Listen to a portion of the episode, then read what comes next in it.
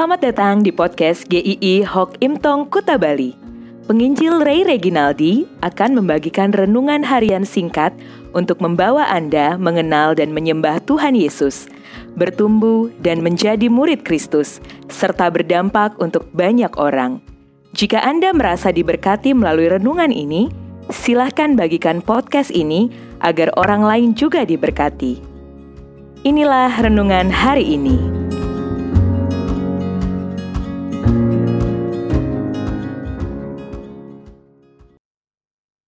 Luar dalam sama. Ulangan 6 ayat 5 sampai 7. Kasihilah Tuhan Allahmu dengan segenap hatimu dan dengan segenap jiwamu dan dengan segenap kekuatanmu.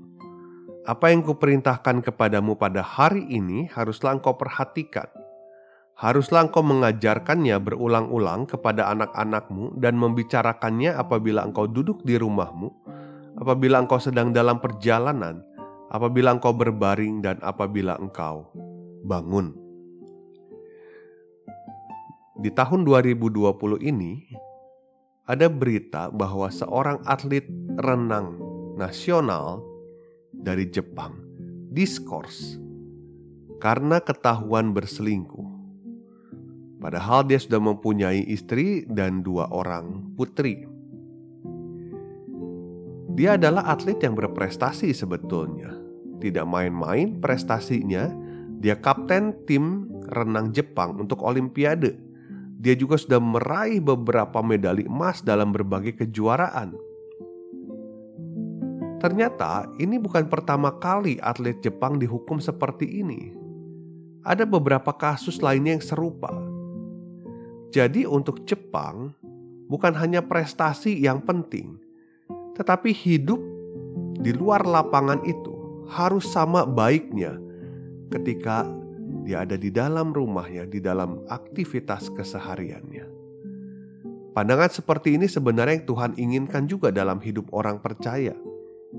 Bahwa hidupnya tidak boleh dibagi-bagi. Hidup buat Tuhan itu harus sama. Ketika melakukan segala hal yang kita sebut mungkin kegiatan agama atau kegiatan keseharian, segala aktivitas yang biasa-biasa saja. Coba renungkan sejenak pertanyaan ini. Apakah Anda mengasihi Tuhan? Seberapa sungguh Anda mengasihinya?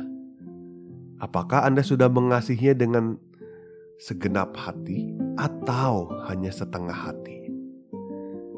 Apakah Anda mengasihi Tuhan dengan memberikan yang terbaik kepada Tuhan pada saat ibadah saja, atau dalam seluruh kegiatan aktivitas Anda dengan segenap jiwa. Apakah Anda sudah memberikan hidup Anda dengan segenap kekuatan, atau hanya sisa-sisa kekuatan Anda saja? Tuhan mau umatnya mengasihi Tuhan dengan memberikan seluruh kehidupannya kepada Tuhan. Tetapi umat Israel berulang kali gagal untuk mengasihi Tuhan. Mereka lebih mengasihi hidup mereka sendiri. Mereka hanya mencari kebahagiaan secara pribadi, bukan kehendak Tuhan.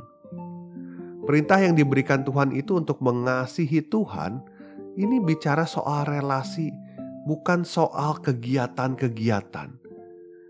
Tuhan sudah mengasihi umat Israel, membawa mereka keluar dari tanah Mesir dengan cara yang ajaib. Tuhan mengubahkan mereka, mengeluarkan mereka dari posisi sebagai budak menjadi umat Tuhan. Tuhan tidak setengah-setengah mengasihi orang Israel, bangsa yang kecil, lemah, dan tidak berdaya itu. Tapi sayangnya bangsa Israel itu tidak memandang betapa Tuhan sudah mengasihi mereka. Sehingga mereka sering menjauh dari Tuhan. Atau mereka hidup hanya untuk diri sendiri tidak peduli kepada Tuhan. Kita adalah orang-orang yang pada dasarnya seharusnya tidak mungkin untuk menerima kasih Tuhan. Karena kita adalah para pemberontak kita tidak peduli kepada Tuhan. Kita ini para pendosa, sedangkan Allah adalah Allah yang Maha Kudus. Kita berdosa bukan karena kita melakukan dosa.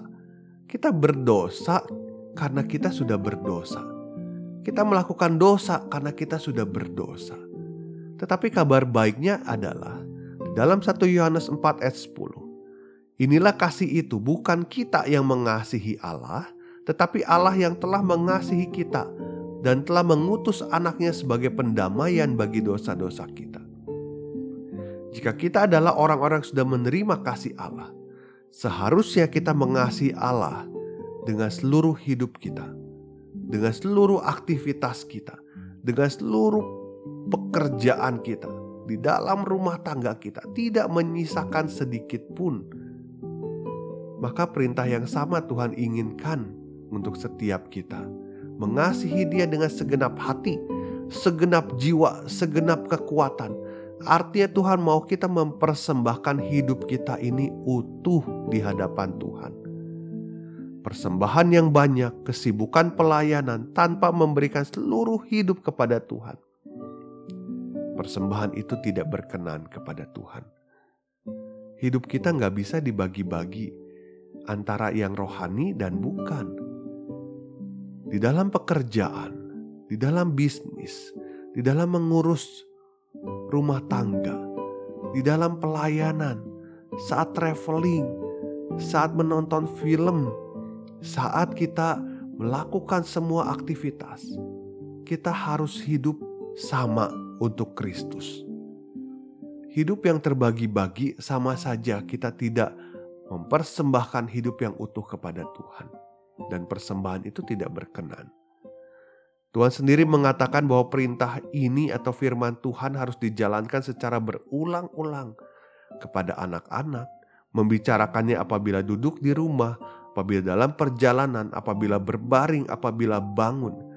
Ini sama bahwa ketika anak-anak diajarkan di situasi apa pun tentang Tuhan, di saat yang sama tentu saja hidup kita sudah seharusnya dipersembahkan dalam semua situasi, dalam semua profesi, dalam semua relasi.